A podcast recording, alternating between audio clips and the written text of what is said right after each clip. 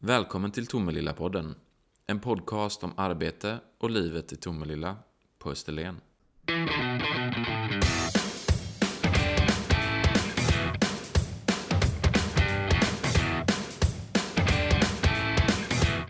Välkommen Britt-Marie. Tack så mycket. Den här podcasten spelar vi in under sommaren. Ja, det stämmer. Och det är ju härligt så. här. Många har semester och kanske sommarlov och man använder det till att njuta lite extra av vardagen men också liksom lite reflektion. Gör vi rätt saker i vardagen? Ja. Och hur ska vi jobba framåt? Och med det så har du en gäst idag. Det är eh, vår chef för eh, förskole skolverksamheten, eh, Bengt Persson, som är med oss idag, som är en otroligt, tycker jag, passionerad eh, chef för den här verksamheten. Och vi brukar ju prata om begreppet passion för Tomelilla eh, och då kan man nästan säga Bengt som hand i handske. Okej, tack. Välkommen hit Bengt! Nu ska tack du så få jättemycket. prata passionerat om skolutveckling. Och du sa det var 15 år sedan du jobbade som lärare. Då Ja, har ungefär. du de senaste åren arbetat som rektor eller skolchef. Eh, jag har jobbat, eh, det, började så här egentligen eh, någonstans att jag jobbade som lärare på en stor högstadieskola i en av våra grannkommuner. Och där såg jag en del ungdomar som, jag förstod liksom inte varför alla andra lärare hade problem med dem och inte jag. Och där, utifrån den delen så lyckades jag övertyga politikerna om att starta en särskild undervisningsgrupp som sen ledde till en resursskola där jag blev rektor. Och därifrån så blev jag rektor barn och elevhälsan och sen så blev jag utbildningschef. Och de, för ett och ett halvt år sedan drygt så är jag skolchef i Tomelilla kommun. Snabbt beskrivet. Tomelilla kommuns skolverksamhet, bara lite snabbt så vi får en bakgrund. Hur många barn och elever? Och, Eh, Vi har eh, 1250 eh, barn i skolan ungefär. Eh, Vi har alltså fem F till 6 skolor och en 7 till 9 skola. Vi har, eh, nu ska jag säga, jag har lite fusklapp här, 375 elever, eller barn, inte elever, barn i förskolan. Vi har sex stycken kommunala förskolor, ungefär lika många fristående verksamheter.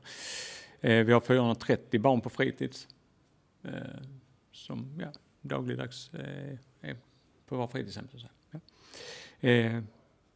Vi har ungefär 75 människor som jobbar i förskolan och 160 någonstans. Det är alltså mellan tummen och pekfingret i skolan. Ja. och de här är du chef och ska leda för, eller hur är ditt uppdrag? Mitt uppdrag är ju egentligen att leda mina ledare för att de ska leda personalen. Eh, nu har jag varit rätt mycket ute på verksamheterna, eh, i synnerhet här den sista tiden, eh, och träffat personal. Jag tycker det är jättetrevligt att träffa ungdomar också, för det, det kommer man också lite grann ihåg vad man är här för.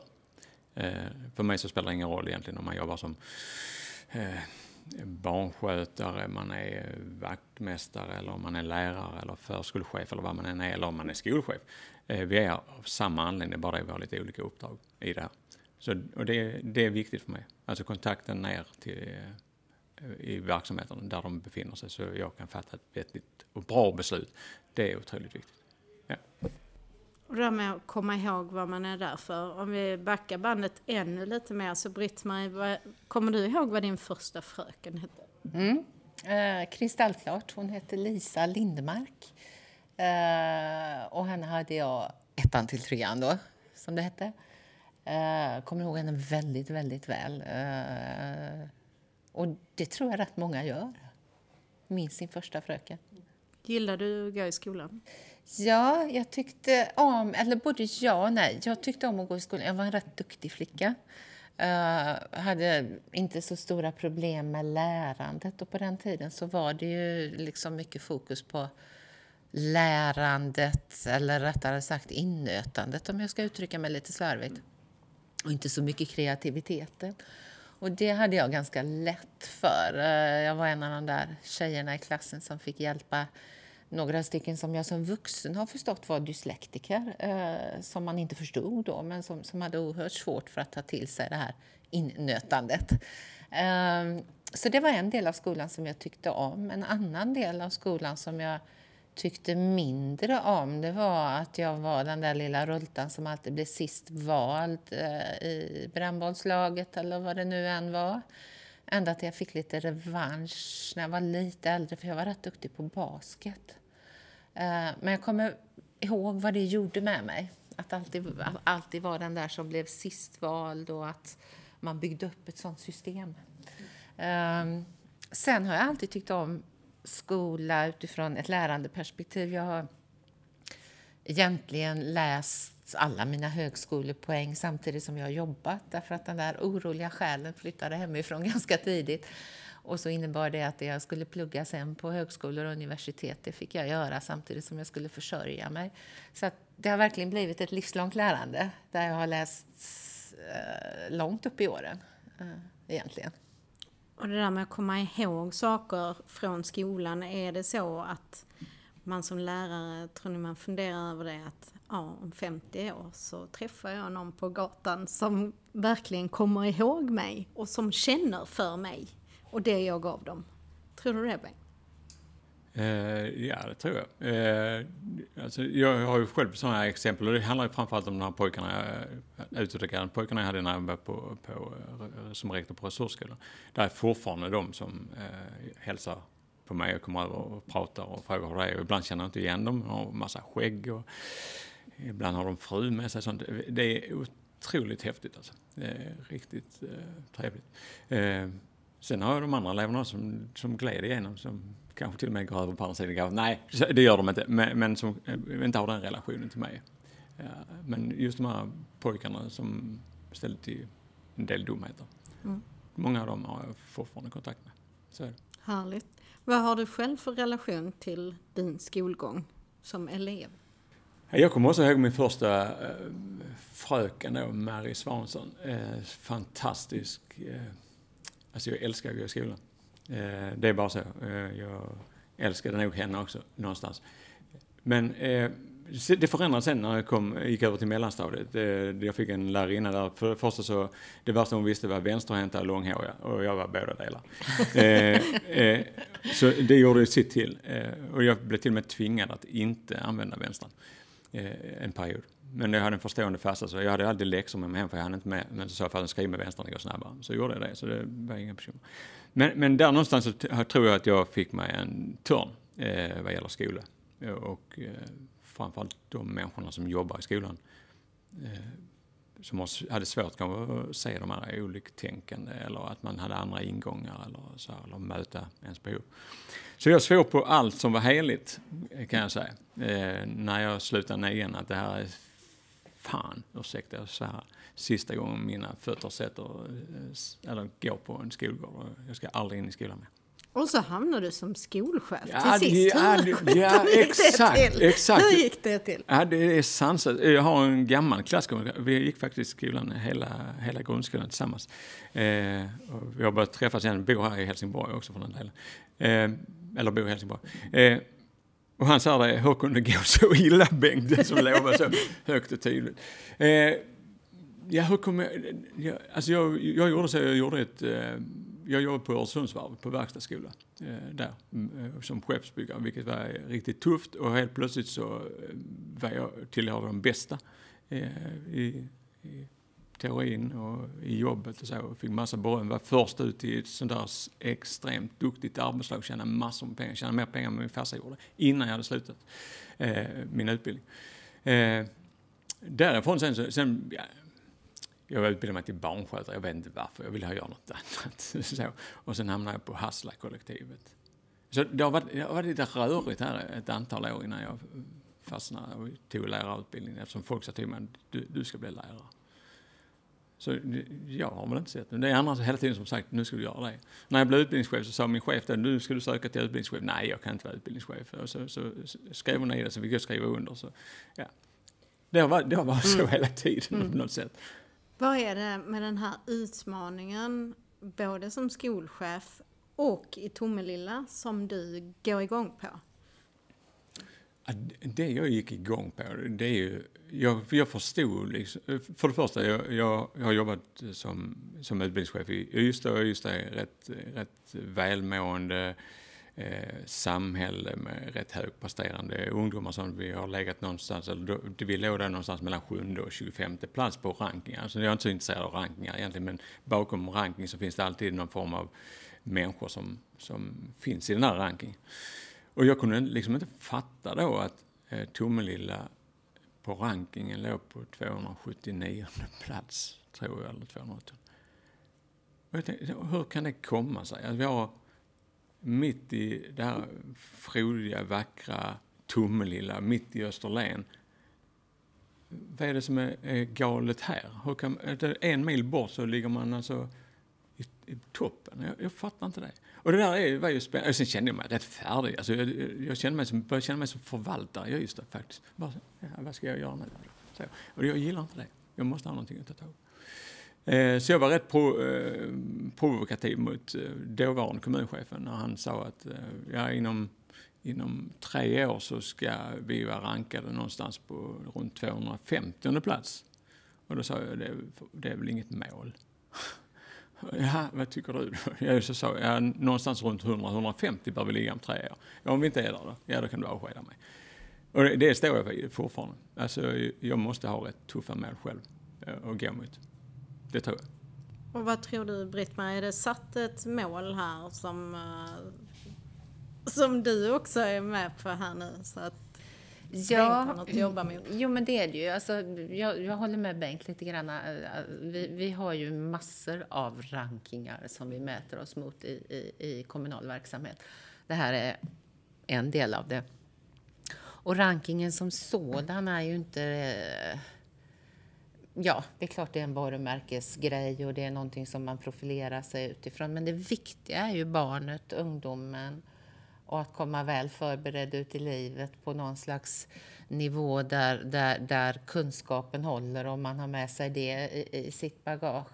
Men faktiskt också kreativitet och, och, och, och goda värden och, och, och, välmående och alltihopa det här som vi kanske inte alltid fångar i, i, i vårt rankingarbete. Så det är klart att man ska sikta mot det, definitivt. Men jag vill ju också jättegärna att vi siktar mot... Eh, alltså att vi funderar på vägen dit.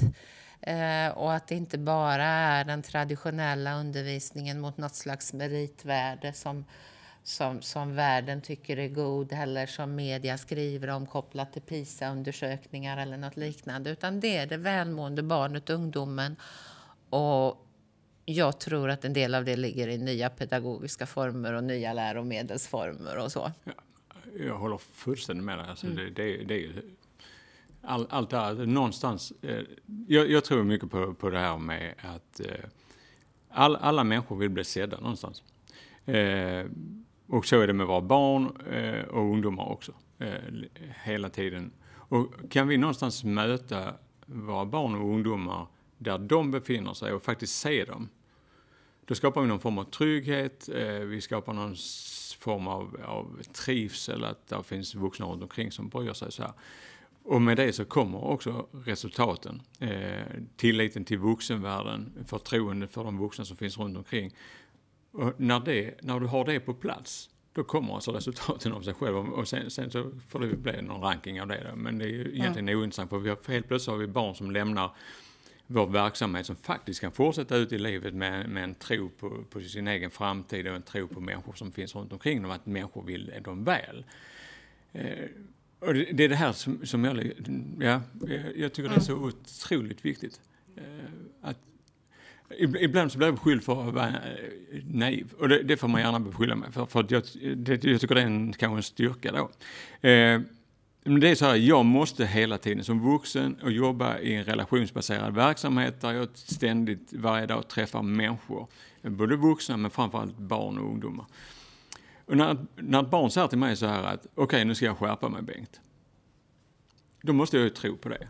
Om han, han eller hon sen vänder sig om och hittar på något dumt tio sekunder senare och så säger du hallå, hur var det nu? Ja förlåt, nu ska jag skärpa mig. Då måste jag tro på det igen. Jag måste tro på det varje gång. Jag kan inte någonstans säga att det är kört. Eller att eh, den ska vara någon annanstans. Eller den ska, det kanske man kommer fram till så småningom att det behövs annan kvalitativ hjälp än vad vi kan erbjuda en verksamhet. Men vi måste hela tiden vara där och stå för våra barn. Om jag sen är naiv i det, i det att jag hela tiden tror och blir lurad, kanske också manipulerad. Okej, okay, fine. Det drabbar inte mig så farligt. Det är ingen fara för mig. Men vi måste stå kvar. Vi måste hela tiden stå. Mm. Och jag tror att det är jätteviktigt. Och jag, jag tänker så här också att nu ska jag säga någonting som absolut inte får tolkas som någonting politiskt. För det är inte min roll. Jag är inte politiker, ska inte vara det. Jag ska vara neutral. Eh, men, men, när vi byggde upp det välfärdssamhället som vi har idag och det, den demokrati som vi har idag. Och jag är så glad att jag lever i det här landet, i det här demokratiska systemet och i den här välfärden. Men vi gjorde det väldigt mycket i kollektiva former. Och jag tror att ett samhälle utvecklas genom att pendeln slår. Och det har blivit så att vi har tappat nu ska jag inte låta allt för pessimistiskt, men en för stor kollektiv tanke i skolans värld kan ju riskera att leda till att vi inte ser det enskilda barnet. Uh, återigen, det här är inga politiska inlägg nu, utan det handlar mer om att reflektera över hur ska jag som vuxen faktiskt fixa och klara av att se varje enskild ungdom, varje enskild individ och aldrig ge upp. Eh, och inte del av klassen eller hela klassen eller flickorna eller pojkarna Nej. eller vad det nu kan vara. Så att ibland pratar vi om individualism i samhället som någonting dåligt därför att det har gått så långt. Mm. Men i det här sammanhanget måste vi se individen. Och för mig är det väldigt mycket av värdegrundsarbetet i, i förskolor och skolor. Jag håller, håller fullständigt med dig. Sen är det alltid svårt att prata om det här med kollektiv och individen på samma gång. Samt, samtidigt så, så, finns det en styrka i, i kollektivet. Jag pratar mycket om, i min ledningsgrupp om just det här med att eh, när man träffar mig då så kommer man inte som, eh, som rektor för Kastanjeskolan eller förskolechef från Lärken eller vad det nu än kan vara. Utan då är man faktiskt ledare för alla Tomelillas barn och elever och ungdomar Absolut. tillsammans. Ja. För det är någonstans att hitta den vägen, den gemensamma vägen in. in. Och det här, här tror jag någonstans att det kanske här svaret också finns i om man nu går tillbaka till ranking, alltså nu pratar jag ranking fast jag tycker det är ointressant. Men att det finns ett svar där att man, man har, har kanske haft eh, gjort som man har velat. Eh, det hörs ju hemskt. Men man har suttit i en ledningsgrupp, sen var och en hem och gjort som man har velat och så har man gjort en massa bra insatser men man har liksom inte använt det på rätt sätt. Alltså det gäller att tratta ihop alla de här insatserna vi gör så vi går samma väg. Och ändå inte minskar utrymmet för varje skolas möjligheter att skapa sin egen profil. Mm. Och det är samma vad gäller våra ungdomar. Alltså eh, fullständigt självklart. Det, det, det är intressant, jag vet inte vad jag sa, jag har sagt det innan men just det här att bli sedd som jag pratade om i början. Jag bara satt och läste och jag, jag, när det är något jag värdelös så är det namn och sånt på vad jag har läst och var jag har fått ifrån. Men eh, för att ett barn ska komma hem eh, så efter skolan så frågar morsan och farsan som vanligt då liksom, hur har det varit i skolan Och Det är ju en rätt klassisk fråga som har funnits genom alla tider. För att det här barnet säger, ja men det har varit bra. Alltså inte mer, inget, inte uppmålande eller så. Utan det har varit bra. Har det krävts att någon vuxen under dagen har liksom stannat upp, tittat det här barnet eller ungdomen i ögonen och frågat hur är det? Och vågar stå kvar och vänta på svar. Det är vad som krävs för att ett barn ska tycka det är okej okay att gå i skolan. Alltså det är inga stora krav där finns egentligen eh, för att få ett barn till att må bra. Mm. Men jag förstår också idag, alltså läraryrket, rektorsroll, alltså oerhört komplexa eh, uppdrag man har. Med stora administrativa bördor kanske där man ska Säker? Säkerligen det också. Säkerligen det också. Och det, det har ju kommit med att samhället eh, också förändras. Att vi får fler och fler lagar, vi ska eh, säkra upp mer och mer runt omkring oss. Man fattar inga beslut utan man har kollat i, i lagtexterna bakom och om det finns någon underliggande. Vilket gör att vi blir ett, ett, ett, ett oerhört eh, stressat och ångestfyllt eh, folk på något sätt som hela tiden måste säkra att det jag fattar beslut om är rätt. Så jag inte får en kniv i ryggen. Det är ju mm. det är hemskt. Vi behöver, om man nu pratar mod och så här och sträcka på sig. Och, och det är något, jag, jag tycker vi har varit så undfallande mot media över, överlag. Att, eh, det är klart de säljer på svarta rubriker. Och, men samtidigt så har vi alltså människor, massor med människor i Sverige som varje dag går till förskolan, till skolan, öppnar dörren för 20-25 barn och ungdomar och tar emot dem och gör sitt allra bästa. Och så hänger man upp sig på, på små saker. Alltså, det är fortfarande så, över 95 procent av våra ungdomar är kanonungdomar. Men är det, är det så att jag tänker att vi är lite för mycket jante där generellt i Sverige? Eh, och kanske inte vågar sträcka på oss och säga att här har vi faktiskt en fantastisk förskola eller skola. Men jag tror också att det är tradition i att, jag, jag, tror att du har rätt, men jag tror också att det är tradition i att vi inte... Alltså vår generation, eh, i alla fall min och Bengts, eh, vi är ju fostrade på något sätt i att tänka och att tro att det vi läser i tidningen, det vi hör på nyheterna, det media på något sätt säger, Ja, så är det. Mm. Och, och, och, där någonstans har ju vi fått lära oss på nytt, eh, ofta eh, kanske från, ja, för min del inte grundskolan i alla fall, men gymnasiet och uppåt, att, att kritiskt granska och att förhålla mig till, till saker och ting kritiskt och ifrågasätta och, och, och, och källgranska och, och, och tränga ner i saker och ting. Men jag bär ju ändå min fostran och min kultur med mig. Medan vi vet att barn och ungdomar idag är mycket mer källkritiska. Mm. Och det har de lärt sig att vara tack vare internet och hela den digitala utvecklingen och så. Så, så jag tror inte bara det är jante, utan jag tror det är någon slags generationsfråga också som, som, som, ja, som påverkar mm. oss. Sen tänkte jag på det här kollektiva som du var inne på. Mm. Det är ju också Alltså det, det, finns ju ingen sanning, det är inte svart eller vitt. Det finns alltid två sidor på myntet. Men, men att, att få ett kollektiv att fungera utan att glömma individen är ju också gott därför att det är ju då vi får ett livslångt lärande. Alltså det här du säger med att, att, att man ska samlas, man ska, ska enas kring någonting. Någon skola gör någonting som är lyckosamt, mm. andra behöver lära sig av det, eller vi lär ja, oss kollegor absolut. emellan och så. Ja. Det livslånga lärandet hoppas jag ju verkligen att vi ska vårda.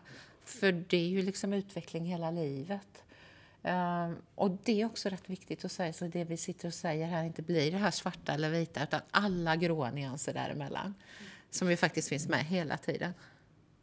Jag, jag håller fullständigt med dig. Det, det jag menar just det, det är att det som du är inne på, så att se individen i kollektivet. Alltså, mm. alltså, men att vi ändå ser till att, att staka ut vägen på något sätt, var vi ska utifrån alla barns möjligheter att lyckas. Mm. Eh, men vi får liksom inte glömma individerna i det här och det, sen spelar det... Så alltså som, som eh, elev eller som barn så kan det ju ibland vara svårt att se varför ska jag eh, kunna den mm. här matten exempelvis. Jag ska ju inte bli fysiker eller matematiker. Mm. Mm. Eh, hur, hur, ska, hur är ni duktiga på att plocka in verkligheten i skolan? Och göra det intressant för eleverna? Hur jobbar man där? Ja, alltså det, det, är där vi har en bit kvar att jobba tror jag. Jag, jag, inte, inte på, alltså jag vill inte plocka in verkligheten i skolan, utan plocka ut skolan i verkligheten.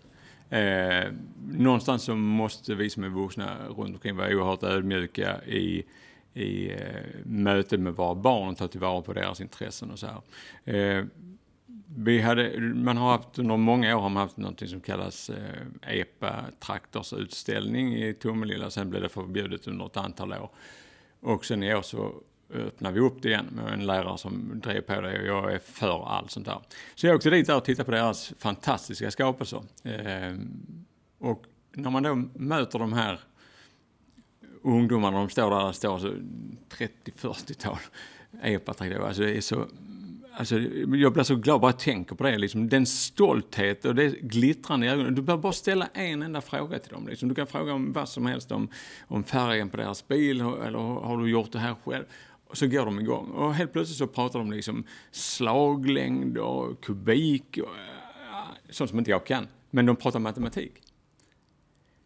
Men de visste inte om att de pratade matematik. Jag menar, hitta det hos, hos alla de här, alltså deras intressen. De här, de här ungdomarna lägger alltså hela sin fritid på det. Hur kan man håna eller förbjuda något sånt här?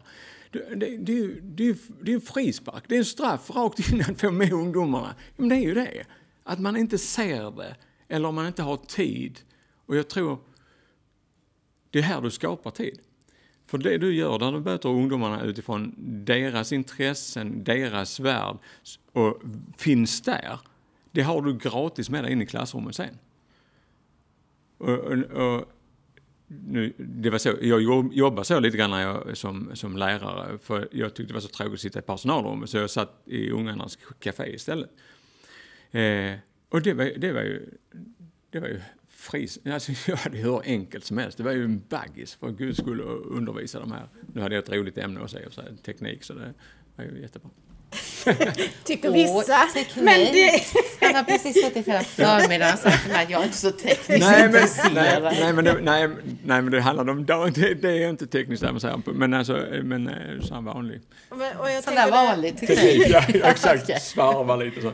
Men det var här du pratade om, eh, Britt-Marie, om kreativiteten låter mm. som man kan koppla till detta. Att ungdomarnas, barnens eh, kreativitet, att få med det. Hur bygger ni in det i framtidens eh, skola? Ja, det, vi har pratat ganska mycket om uh, de sista veckorna du och jag. Alltså, försöka bygga en skola som, vi vet inte vad det blir nej, än och nej. vi vet inte var vi hamnar lite så, men försöka bygga en skola som bygger på, eller skapa en skola som bygger på något annat än den traditionella läromedelsundervisningen. Ja. Tillvarata Eh, de miljöer som barn och ungdomar är i idag så fort de går utanför skolan. Så att skolan inte blir hopplöst efter, alltså alla digitala verktyg. Um, försöka se och bejaka att näringar som finns idag kanske inte är framtidens näringar. Uh, och så fundera på, ja vad ska vi då undervisa i? Vad ska vi då skapa för förutsättningar?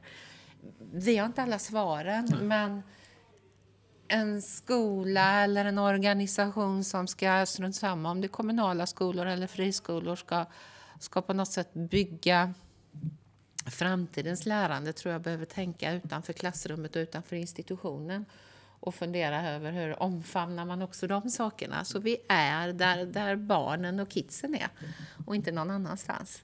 Det pratar vi väldigt mycket om och, och jag är väldigt glad för att vi i alla fall pratar om det för jag vet mm. att det finns sådana som inte gör det överhuvudtaget. Ja, men absolut, ibland så, alltså just det här med för barn idag ställer helt andra, man ifrågasätter på ett helt annat sätt än vad jag gjorde när jag gick i skolan kan jag säga. Då var det mer eh, någon form av auktoritet och det hade alltid varit så. Man skulle vara tyst till man räckte upp handen. Så, så det har vi fostrat våra barn att ifrågasätta. Sen när de då ifrågasätter i skolan så blir vi lite irriterade över att de ifrågasätter allting. Men idag kommer barn att ställa frågan, vad ska jag med det här till? Eh, och då måste vi kunna svara eller visa på på något sätt att Jo, om du vill komma vidare i, i det här så kan det är viktigt. Till exempel epatraktor. Vill mm. man då utveckla det här mot, mot uh, fordonsmekanik eller uh, ja, lackerings eller vad det nu än är inom det här. Nu var jag kass på att hitta på något bra där. Men då måste vi visa på det och ta hjälp också av de här människorna som kan. Jag, jag tror mycket på det här med att bjuda in människor som jobbar i, i, i de här professionerna som lockar ungdomarna.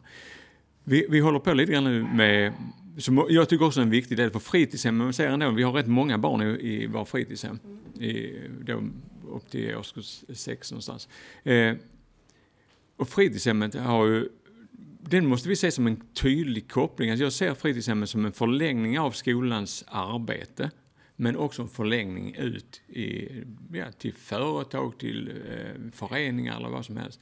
Så det inte blir en en, en sån här, vad heter det, där man blir, får göra som man vill. Förvaring? Förvaring till exempel, mm. ja. Så, utan det faktiskt, och det pågår ju sånt arbete, det gör det många kommuner. Vi har ju påbörjat bland annat fortbildningar för våra fritidspedagoger, just för att lyfta det här, att vi har ett uppdrag här också, som är, är väldigt tydligt.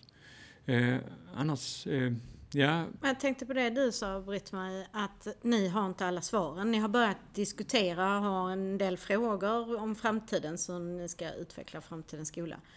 Sitter, tänker ni att barnen sitter på en del utav svaren? Sitter lärarna på en del utav svaren? Och du pratade innan om att det inte bara är lärarna som är viktiga utan all personal då i skolan är viktig. Vilka svar kan ni få från dem? övertygad. Alltså barnen, föräldrarna, eh, kring personal, samhället, skattebetalarna, näringslivet. Alltså väldigt många sitter på svaren.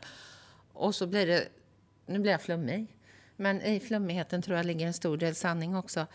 Men det är ingen av oss som har kristallkulan som kommer att klara av att säga att exakt så här kommer det att se ut i framtiden. Eh, det är därför jag är lite PISA-kritisk, att vi lutar oss mot de undersökningarna och sen värderar vi allt utifrån det. Utan att våga ge sig ut på en resa utifrån de kunskaperna vi har idag och förändra utifrån de undersökningar som finns idag utan att veta exakt var den slutar. Det, alltså, är det inte det som är utveckling, tänker jag?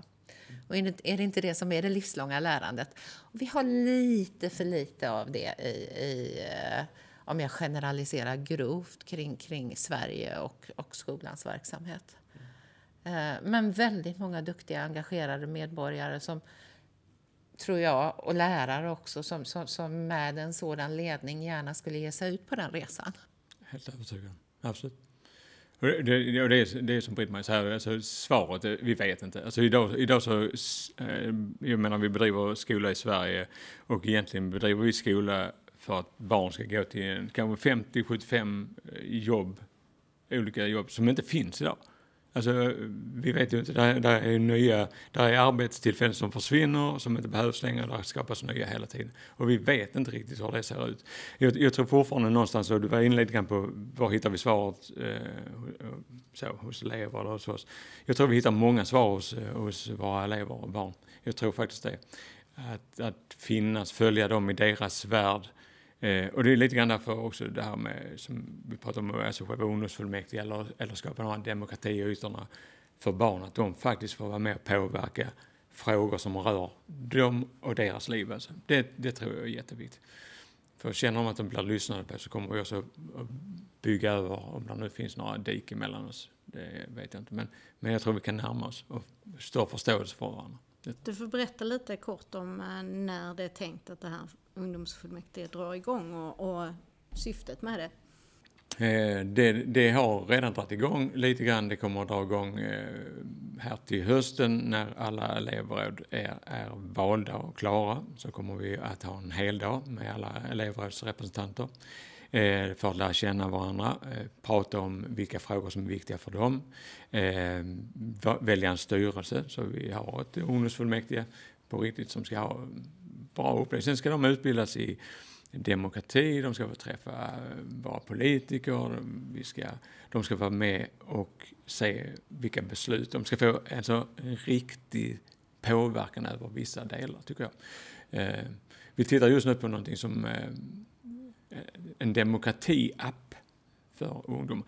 Eh, så vi har något företag som vi för diskussioner med. Alltså vi, det är också tillbaka in i deras värld. Vad, vad är det som ungdomar jobbar med? Jo, de jobbar med sina appar på olika sätt. Kan vi skapa en sån och vi har att den hela tiden uppdateras, för det måste vara news hela tiden, annars tröttnar de.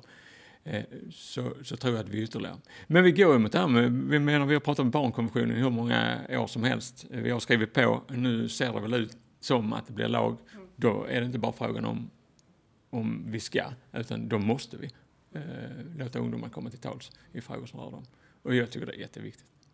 Och egentligen är ju det ingenting annat än, än att inom det demokratiska området skapa förutsättningar som kommun för våra ungdomar att koppla till demokrati få lov att omvärldsorientera sig uppdatera sig. Vad händer nu? Alltså, alltså omvärldsorientering, det, det vet vi i yrkesrollen. Det gör man inte en gång om året före det är dags för nästa års mål och budgetarbete.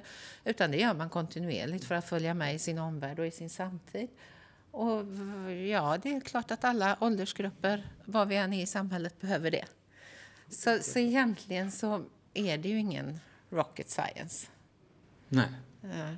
Det tror inte Eller jag heller. Nej, det tror inte jag heller. Nej, det tror inte jag heller. Att och vilken någon... tillgång, tänker jag, till kommunen. Att man får tillgång till de här engagerade ungdomarna. Mm. Och deras Absolut. värld som kanske är ny för vissa. Mm. Mm. mm. Ja. Och det är så viktigt, det du säger nu, tycker jag. För att det är så lätt att tänka att det är vi i professionen som ger till barnen och ungdomarna. Och så glömmer vi bort att vi lär oerhört och kan lära oerhört mycket av dem också. Att det är det här gemensamma lärandet och, och, och att vi utvecklas genom att umgås med varandra. Faktiskt. Ja, jag, alltså, jag, bara, jag bara håller med. Alltså, jag, eh, ungdom, alltså, det allt det nya som jag lär mig, det lär jag mig av ungdomar på något sätt. Alltså, genom mina egna barn och deras kompisar. Så här, det, det är ju förbaskat roligt att de fortfarande vill ha en, en gammal farbror med sig och diskutera eh, allt som från politik till skola till pengar, eh, ja, you mm. name it. Men, men deras värld är så spännande för mig som har funnits i en annan värld innan. Inte där nu, nu är jag bland ungdomarna. men, det, men det är farligt, alltså, där finns, där finns en fara i just det. Där finns en fara i att sitta som skolchef, som kommunchef eller på andra sådana poster. Att man kommer för långt ifrån så allting handlar om att vända ett papper eller skriva på ett beslut. Och det är här någonstans, som jag, om man nu pratar ungdomsfullmäktige, att, att innan du skriver på det här beslutet, att okej, okay, har jag verkligen checkat det här bakåt med, med, med ungdomarna som, som har de fått komma till tals i det här beslutet jag fattar? Och har man då ett, eh, en ungdomsfullmäktige eh, eller ser till att de får en riktig möjlighet att påverka så blir det en automatik i det där. Va?